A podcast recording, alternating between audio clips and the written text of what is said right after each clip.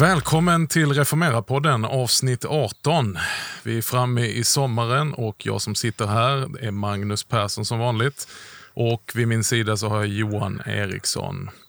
Johan, eh, nu har vi kört en hel vår med Reformera-podden. Mm, spännande, intressant. Vi började i februari och nu är det nu är förbi midsommar. Mm. Och vi sitter ute idag, som man hör ett svagt fågelkvitter så är det faktiskt att vi sitter i värmen här. 23 grader varmt och fullständigt molnfritt, strålande sol nere på denna oas på Guldkusten som heter Höllvikstrand. En av EFS många missionsgårdar. Mm. En av våra allra faktiskt vackrast belägna i alla fall, måste man säga. Strand och hav på båda mm. sidorna. Mm. Mm. Centralt, mycket nära Malmö, mycket nära Kastrup, mycket nära bron Köpenhamn såklart buss 100 rakt ner från Malmö station om man inte har bil. Det kan inte bli bättre egentligen. Och sen kanske Sveriges bästa stränder alldeles, alldeles intill. Du kan tala dig varm om det här Johan. Du, du eh, har ju lite bakgrund här från den här eh, platsen. Mm. Berätta. Du söker dig hit så ofta du kan. Oj, ja, men jag är delvis uppväxt här nere. Men det är att min mammas släkt kommer härifrån. Min, min mormor uppväxt på Falsterbo fyr. Hennes far var fyrvaktmästare och eh, morfars pappa var stins i Skanör och så. Så att jag eh, har mycket rötter här och har tillbringat alla mina somrar här nere också som liten. Vad är det bästa smultronstället? Varför ska man vara nere på Näset? Ja, alltså Skanörssidan mot havet, mot Öresund. Dels är det långgrunt på ett skönt sätt. Det är vit, mjuk sand och det är varmt i vattnet för det, sundet är ganska grunt. Som Östersjön är kall, om man åker till Åhus Österlen så är det iskallt i vattnet. Men här är det varmt, alltid typ 20 plus någonting varje sommar. Man kan ligga timmar i vattnet och det är, det är inte så vanligt man kan det i Sverige, men det är för att sundet är, är varmare. Vad är bästa glassstället här nere då? Ja, det är De Altos glass. Då. Nu har han stängt sitt café i år, men han gått över till att bli glass, glassfabrikör. Då. Men man kan köpa hans glass nästan överallt här nere på Näset. Aldos. Mm. Han hade väl någon sån här litet ställe med man kunde dricka espresso mm. och äta ja, italiensk glass? Ja, på Mellangatan. Ja, som tyvärr ser ut att vara stängt. Då. Det söker nya ägare. Det är ett tips. Det borde någon köpa och dra igång igen. Annars gillar jag ju Café Kust. Ja, i Falsterbo, det är inte deras burgare, deras caesarsallad är inte fy skam. Och väldigt prisvärt. Man tror att allt ska vara dyrt här nere på Näset, men det, så är det inte. Det är... mm. Ja, ja, nog om Näset och Falsterbo, Skanör och Höllvik strand. Vi kanske får anledning att återkomma till det vid ett annat tillfälle när vi kör några program här nerifrån. Men om vi tittar på eh, podden här nu och gör någon sorts sammanfattning och bokslut över vårens program. Vad sticker ut för dig Johan? Jag tycker vi har haft väldigt bra teologiska diskussioner. Jag tycker Thomas Nygren sticker ut såklart. Mm. Men även våra andra gäster är svårt att välja. Jag tycker Daniel Ringdahl var mycket spännande. Och Mia Ström, men även Sara var jättebra. Mm. Vi har behandlat det som är lite grunden och som vi fortsätter mm. tala om, helkyrklighet utifrån ett reformatoriskt centrum. Mm. Lite grann en eh, crash course i luthersk vardagsteologi skulle jag kunna säga. Mm. Nej, för mig så eh, naturligtvis sticker också det programmet ut eh, som vi talade med, med Thomas om, Har Guds nåd gränser? Det är väl en av de programmen vi har fått flest eh, reaktioner på också. sen även programmen med Sara Nilsson Edström, församlingsherde i Gamla Uppsala, där det talas om EFS plats i Svenska kyrkan. Spännande samtal efter det, de poddavsnitten. Mm, det blev en krönika också. Hennes bild av EFS, och Svenska kyrkan med kyrkan som ett stort kryssningsfartyg var jätteintressant. Så vi bad henne skriva, skriva en mycket uppskattad krönika i budbäraren på samma tema. För jag tycker det beskriver väldigt bra Svenska kyrkan och vår roll i den. För att jag kör ofta den här bilden av att vi är en inomkyrklig vad ska jag tappa ordet här, det är som katolikerna sysslar med. Orden. orden tack. Mm. En orden, som jesuiterna eller liknande. Men hennes bild av kryssfartyget, det var också väldigt bra. Mm. Och Sen har vi naturligtvis eh, talat om det här med kyrka i coronatider mm. som har präglat eh, allting. Mm. Och Vi har tagit upp det till samtal. Och eh, ja, Vi ska fortsätta titta lite grann tillbaka i det här avsnittet under våren och kanske ta upp och förtydliga vissa ämnen. Vi är strax tillbaka.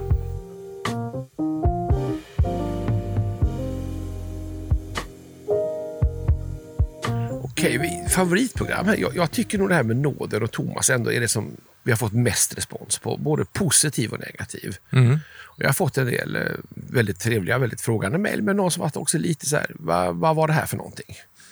Berätta, vad var vad, vad, vad frågan du har mött? Ja, frågan är den här den gränslösa nåden och, och hur ser man då på, på Guds dom och, och på Guds eh, ja, fostran, lärjungaskapet här. Och jag tänker att vi ofta gör en krock mellan eh, frälsning och efterföljelse. Mm. Och Frälsning och helgelse framförallt. ja, det är kanske ett bättre ord. Jag vill kalla också helgelse för efterföljelse. Mm, För att mm.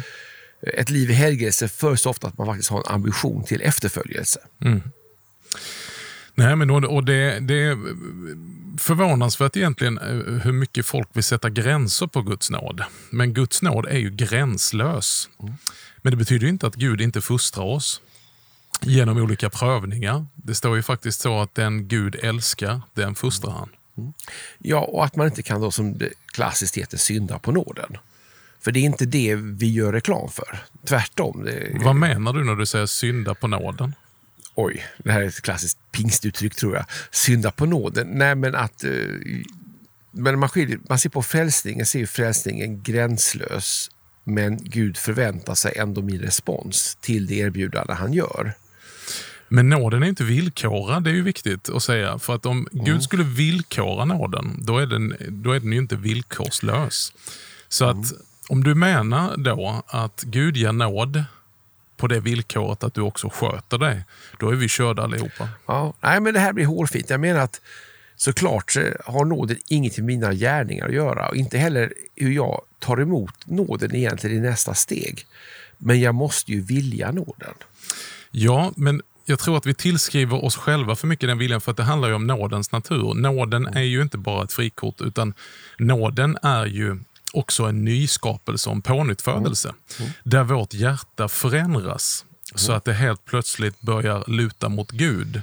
Och att det väcks en ny skapelse i mitt hjärta. Och eh, Den nya människan har ju sitt behag i Guds vilja. Den, den, den längtar efter att behaga Gud, den längtar efter att leva efter Guds vilja. Samtidigt som vi befinner oss i den här, så länge vi är på den här sidan evigheten så kommer vi att befinna oss i den ständiga kampen mellan den gamla och den nya människan. Mm. mm. Ja, jag håller med. Jag tänker också att nåden... Alltså första steget i nåden är ju att Gud skapar en längtan och en vilja oss att vilja ta emot nåden. Jag tror ingen kommer till Gud om inte Gud först kallar till honom. Så enkelt är det. Så vi kan inte ens tillgodogöra oss egentligen omvälvelseviljan för att den föds också av honom. Men jag tänker på rövaren på korset. Vi kommer i ett läge där rövaren på korset faktiskt säger Jesus, tänk på mig när du kommer till ditt rike. Och där händer någonting. Den andra rövaren ställer aldrig den frågan Nej, och går antagligen också, kanske, det vet vi inte, men förlorad. Och Mm. Mest tänker- troligt. Ja, Mm. mest troligt. Och universalismen ligger lite farligt nära där. Det måste ändå vara så att nåden måste tas emot. Rövaren behövde ställa frågan, Jesus, tänk på mig när du kommer till ditt rike. Absolut, och det är viktigt och det tycker vi betonar att det är av nåd genom tro. Men det står också att den som sätter sin tro och tar emot denna nåden, det är ju inte bara ett frikort utan där händer ju någonting där den heliga ande öses ut i vårt hjärta och skapar i oss en ny människa. Vi får del av Guds ande och blir en ny skapelse. Och det är denna nya skapelse som finner sin glädje. Vår gamla natur kommer aldrig finna någon glädje i Guds bud, i att behaga honom, att leva till hans ära. Vårt kött och vår gamla människa vill ju alltid bara behaga oss själva och göra vår vilja. Så att nåden kan inte skiljas ifrån pånyttfödelsen. Ja, men det håller jag med om. Men då är ju frågan också, kan man lämna nåden? Kan man kliva ut ur nåden? Och där menar jag att det är ganska svårt att göra det faktiskt. Ja, eh, vi var ju inne lite grann på det i avsnittet med, med Thomas Nygren och eh, det är väl så att vi, vi gärna vill veta de här matematiska Excel-dokumenten och eh, how much is too much och så vidare. Men det var uppskattat och jag tyckte Thomas gav faktiskt väldigt bra förklaringar. Han, man känner att Thomas är, en, vågar jag säga, de duktigaste lutherska teologerna i Sverige. Absolut, absolut. Han är ju vår... Eh, eh, ja, vi ska inte gå in på den här Star Wars. eh, Ja, vi släpper den. Den blir bilden. lite haltande där. Jag känner att vi lämnar den bakom oss.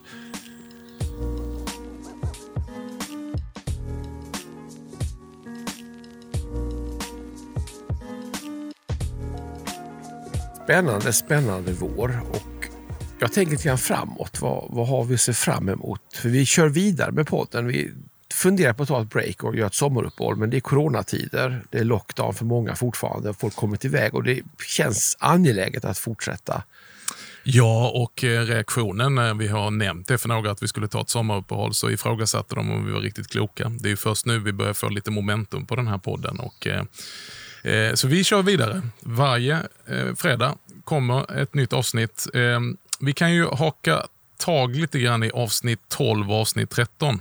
Som, eh, där vi hade Sara Nilsson Edström, församlingsherde i Gamla Uppsala, som gäst och vi diskuterade EFS som en orden inom Svenska kyrkan som du var inne på och EFS hjärta, Svenska kyrkan, är lika med sant.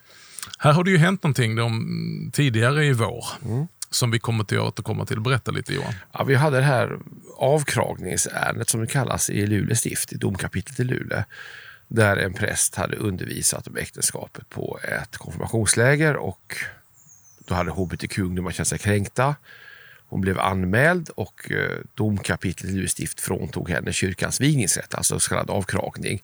Och sen har överklagandenämnden, då, Svenska kyrkans högsta instans, Eh, frikänt henne och då på läromässiga grunder där man faktiskt slår fast att Bibeln är högsta instans för kyrkan. Eh, man kan också säga att det, det förekom ingen kränkning heller, det är viktigt att påpeka det. Men även att Bibeln är högsta instans och att det finns en hierarki bland läroskrifter som är självklart för många, inte minst juristerna, men som ibland kan bli lite förvirrat, att Bibeln står över, och så kommer bekännelseskrifterna, Augustana inte minst, och sen, sen någonstans kommer kyrkomötets beslut. Mm. Och de ska ses som uttolkare av läroskrifterna och kan aldrig ställas mot läroskrifterna. Men om vi skulle fördjupa oss lite mer och sammanfatta vad vi kom fram till i de här två programmen, avsnitt 12 och avsnitt 13 med EFS som en inomkyrklig väckelserörelse och missionsrörelse inom Svenska kyrkan. Eh, när vi talar om EFS så befinner vi oss i ett läge där vi också ska stärka den profilen snarare än tvärtom. Det vill säga att EFS är både inomkyrklig och en missionsrörelse som håller missionsuppdraget högt. Mm. Jag tycker man kan lägga till att vi, vi är från början en väckelserörelse mm. som har utvecklats till missionsrörelse, mm. men också har tydliga drag av en helgelserörelse. Mm. Så att jag tycker vår inomkyrklighet rymmer många aspekter mm. som alla bottnar i, i, att vi är en väckelserörelse. Mm. Vad, vad lägger du ordet helgelserörelse? Att vi vill uppmuntra till bibelbruk. Mm. Till den en, personliga efterföljelsen. Ja, den vandringen med Jesus, att, att leva ett mm. lärjungaliv. Mm.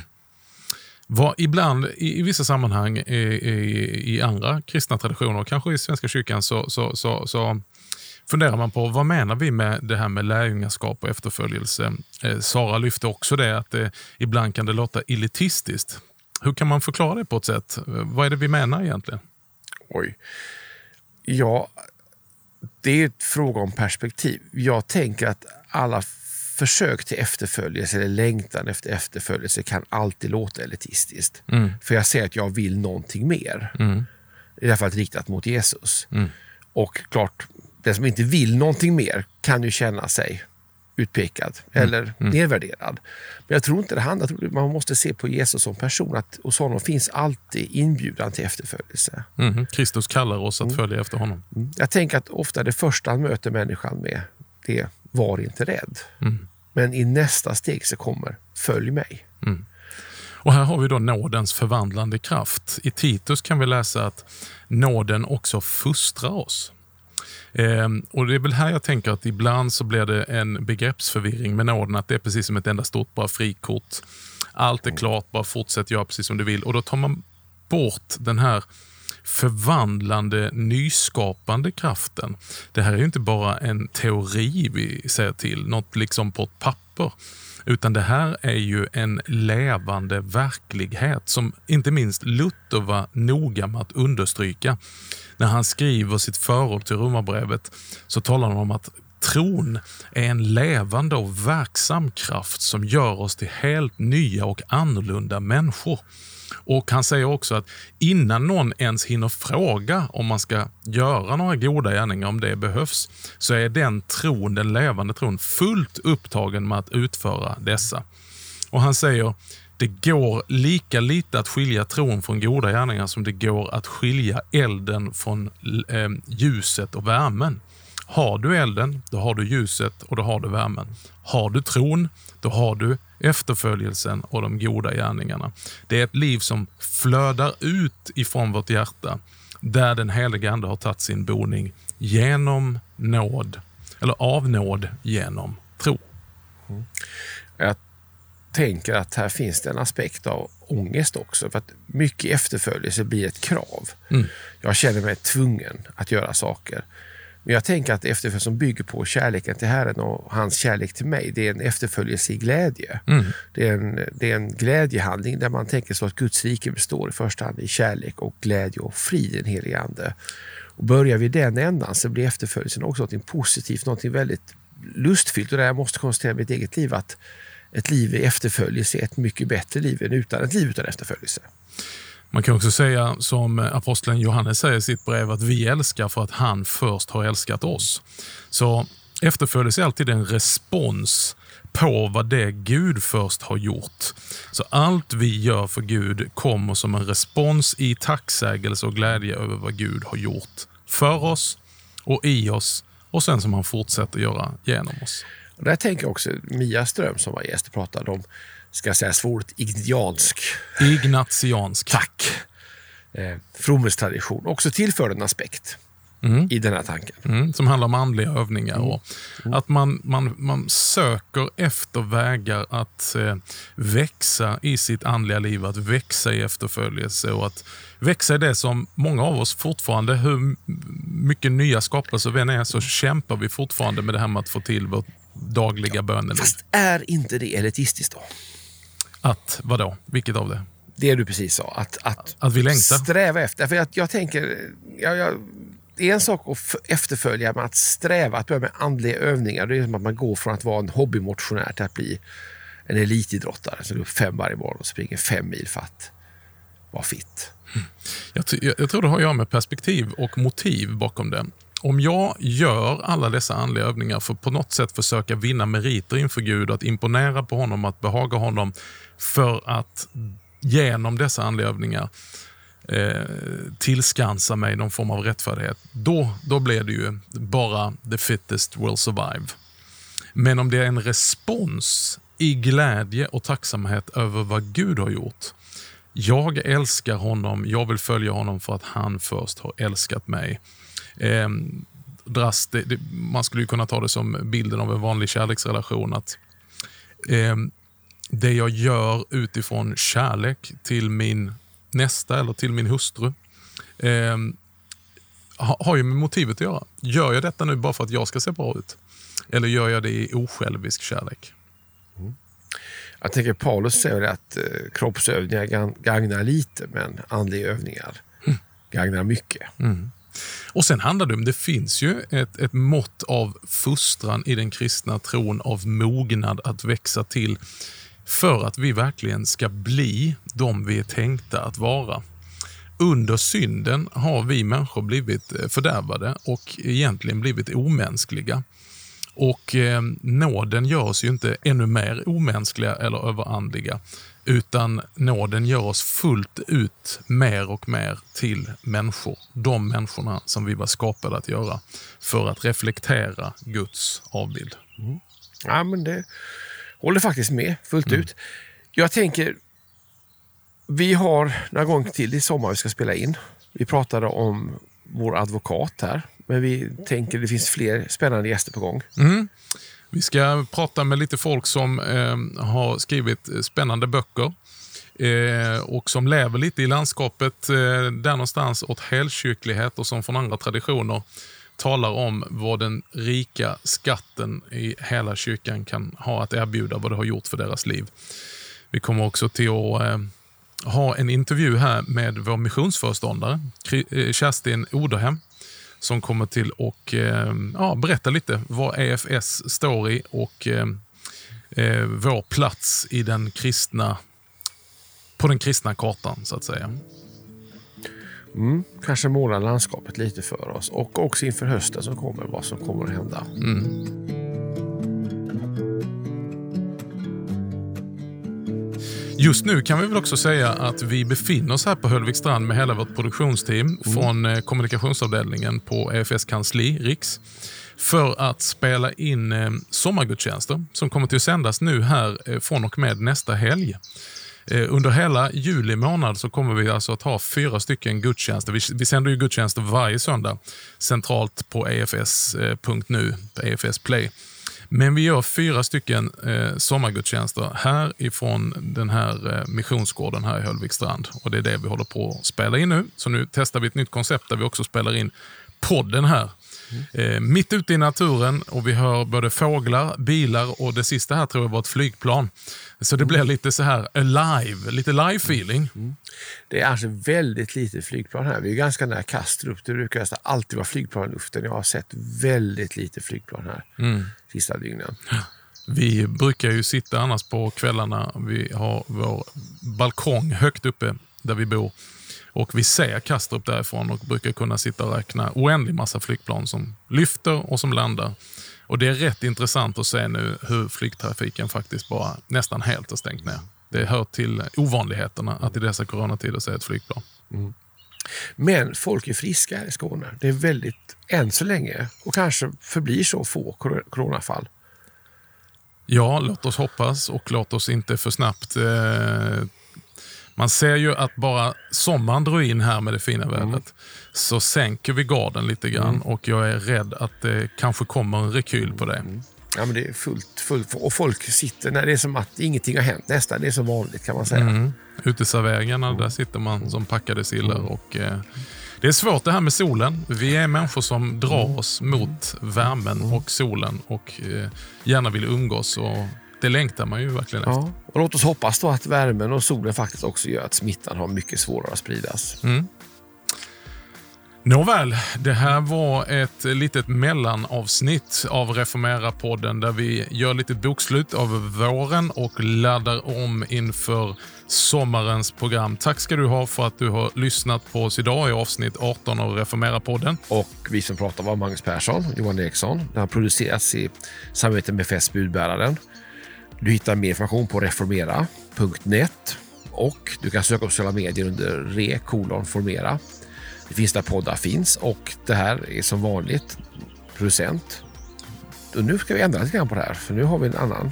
Ja, nu har vi ju lånat in Rickard Liljero Eriksson som sitter vid spakarna och eh, ska göra det här utomordentligt bra och eh, tillsammans med våra ordinarie medarbetare Dan Woodrow och Andreas Lundström. Vi är tillbaka nästa vecka igen och eh, tills dess så önskar vi dig Guds rika välsignelse.